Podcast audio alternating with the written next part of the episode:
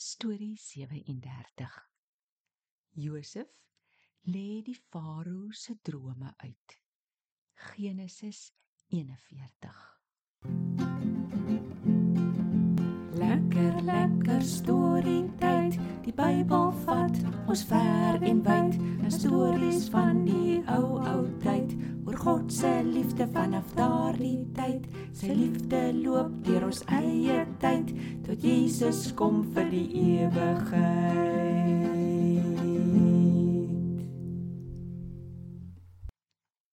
Och, sis toch. Och, so toch. Och, ek kry hong so jonger.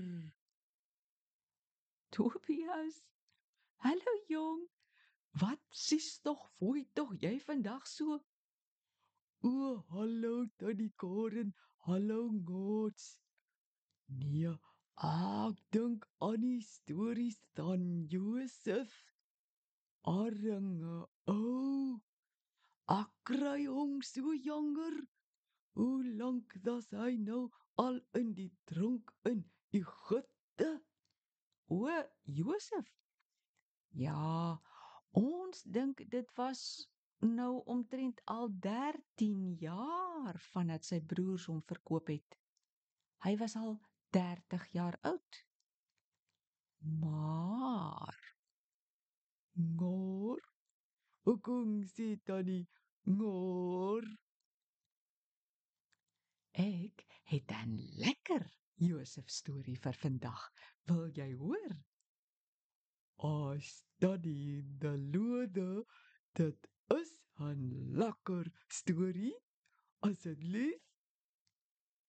Ons storie van vandag begin in koning Farao se paleis. Eendag droom hy hy staan langs die groot Nylrivier. Toe kom daar sewe vet gesonde koeie uit die rivier geloop. Hulle gaan wy toe aan die vlei gras. O, en hier kom nog sewe koeie uit die rivier, maar o wee, dis die lelikste, maarste koeie wat die koning nog ooit gesien het. Die sewe stap na die sewe mooi koeie toe en hap, hap, hap. Daar vreet die sewe mares die sewe vettes op, maar bly net so maar en lelik soos hulle was. Toe skrik die koning wakker. Dat er 'n snaakse droom as dit. Dit klink maar grillerig. Maar luister na sy tweede droom. Hy sien hoe kom daar 'n koringplant op. Aan die plant is sewe mooi vet vol koringare. Net daarna kom nog 'n plant op en dra ook sewe are.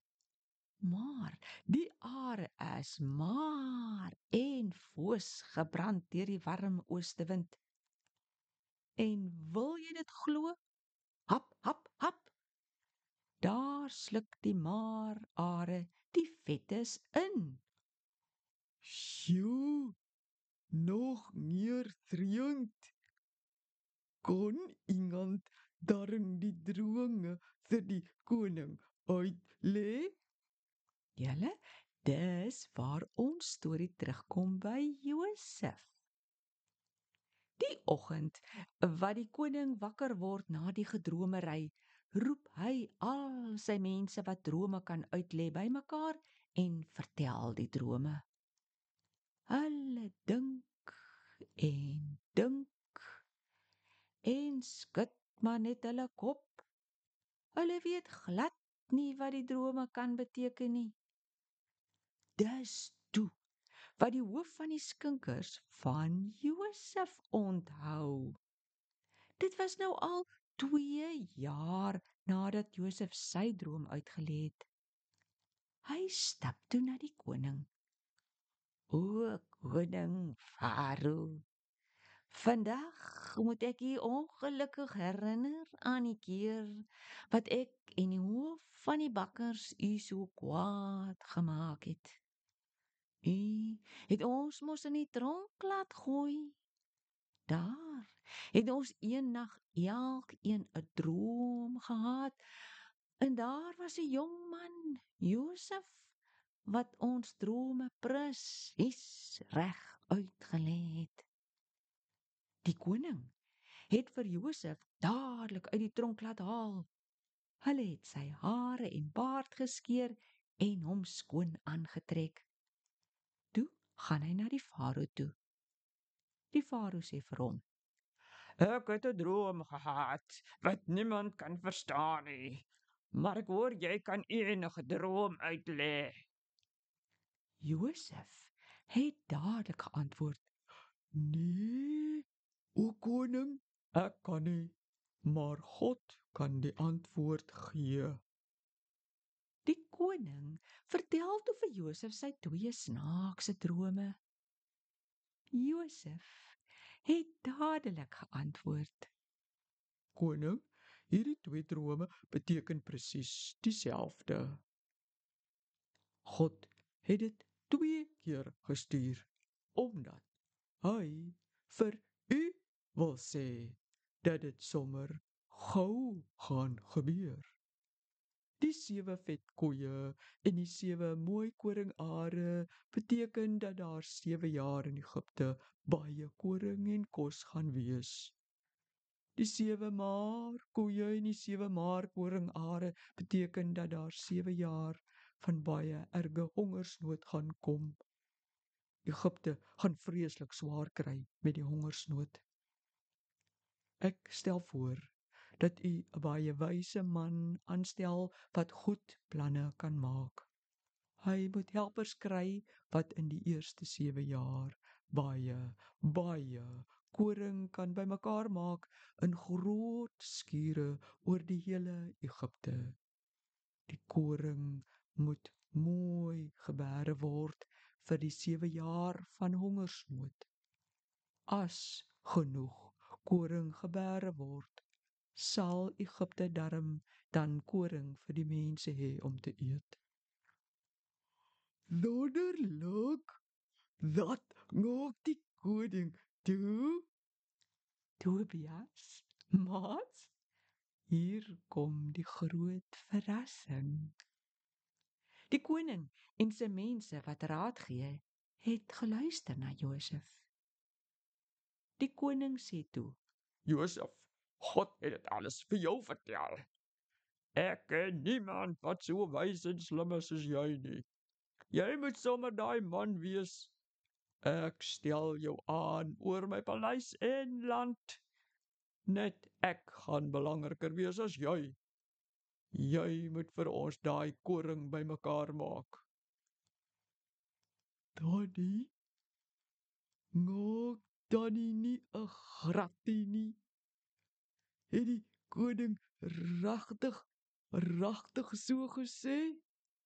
Ja, dit klink onmoontlik, maar dis waar.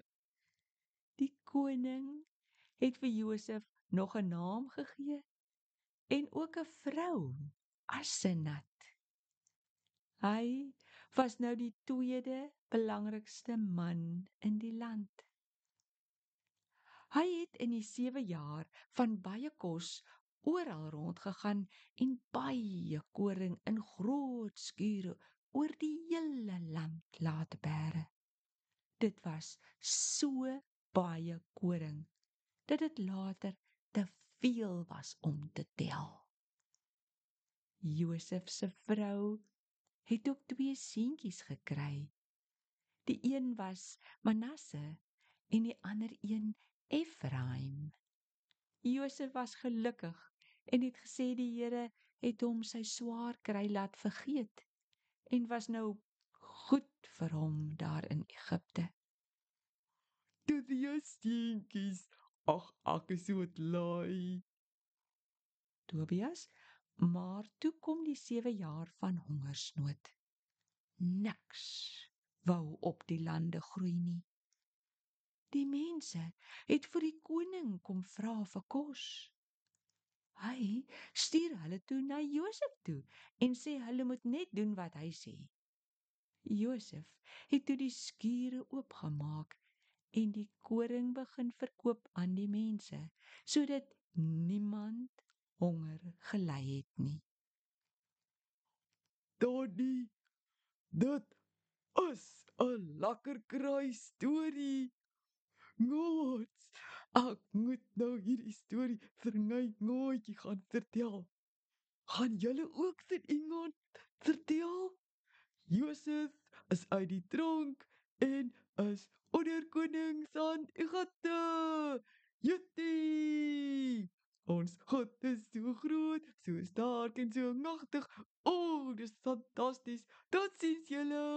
O, oh, dis fantasties. Mats, ek het lanklaas vir Tobias so opgewonde gesien. Gaan vertel julle ook gou die storie vir iemand en kom weer vir nog 'n Josef storie. Totsiens.